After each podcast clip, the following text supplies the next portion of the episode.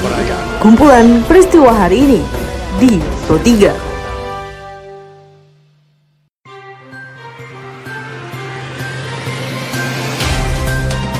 Halo pendengar, selamat berjumpa kembali di podcast Pro 3 RRI.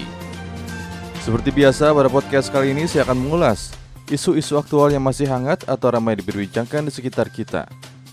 Tentu saja pendengar nanti akan ada cuplikan informasi dari reporter kami.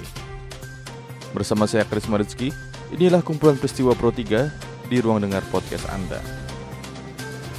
Pendengar, sebelum saya masuk ke dalam beberapa isu aktual yang akan saya hadirkan sesaat lagi, saya akan mengundang Anda untuk mampir ke laman berita kami di rri.co.id. Anda juga bisa memfollow dan berkomentar di sosial media kami di Instagram, Twitter, dan Facebook dengan mengetik at RRI Programa 3 di kolom pencarian Anda. Pandemi COVID-19 tidak hanya menggerus kesehatan fisik dan mental orang dewasa namun juga anak-anak. Peran orang tua diharapkan mampu mengatasi keluhan, serta pertanyaan yang dirasakan anak ketika bosan saat di rumah saja. Hal tersebut dikatakan psikolog dari Universitas Islam Negeri Syarif Hidayatullah, Jakarta, Natris Indriani saat diwawancarai reporter ini Hairani.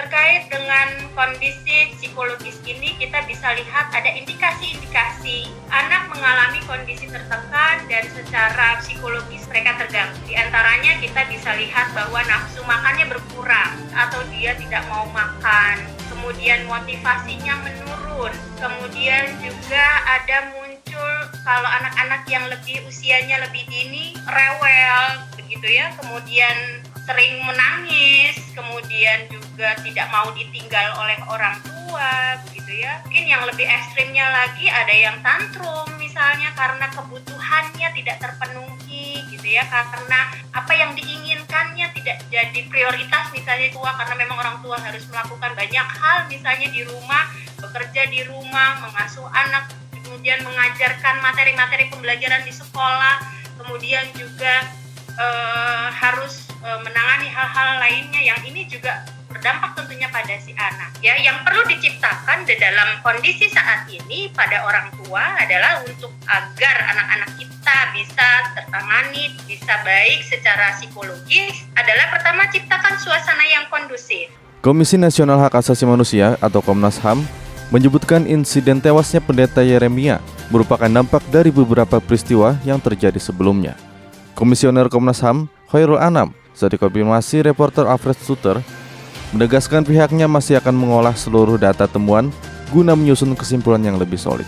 Uh, ada sebelumnya ada sudah ada 18 kasus ya Pak Fitz dan ini melengkapi kasus itu sehingga pendekatan Komnas HAM memang melihat uh, semua pihak jadi uh, apa semua pihak sudah kita mintain keterangan baik langsung maupun tidak langsung. Tidak langsungnya bisa pakai apa telepon dan sebagainya. Termasuk juga uh, ketika kita turun untuk beberapa kasus yang lain itu juga kita mendapatkan keterangan. Jadi memang hampir semua pihak. Memang ada beberapa pihak yang perlu kita uh, dalami. Jadi semua pihak kita kita kita tanya tapi lebih khusus lagi dalam konteks ini memang masyarakat di seputaran uh, lokasi karena mereka lah yang mengetahui persis apa yang terjadi. Jadi kami sudah uh, uh, mengambil keterangan mereka, mengolah TKP, termasuk di dalamnya kami juga melakukan uh, apa pengujian terhadap lubang-lubang peluru yang ada di lokasi, terus melihat posisi korban kira-kira kayak apa, kami rekonstruksi dengan saksi uh, pertama yang melihat uh, korban dan berbagai kemungkinan peristiwa itu kenapa terjadi itu kami kami kami olah TKP-nya.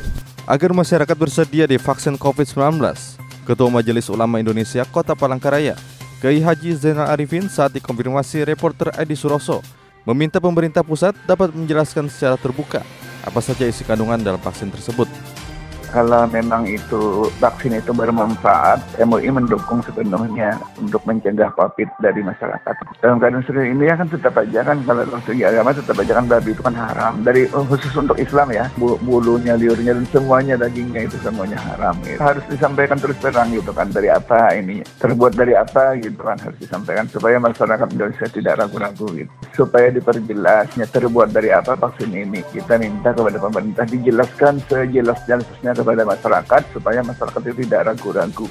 Pendengar, informasi tadi mengakhiri perjuangan kita pada podcast edisi hari ini.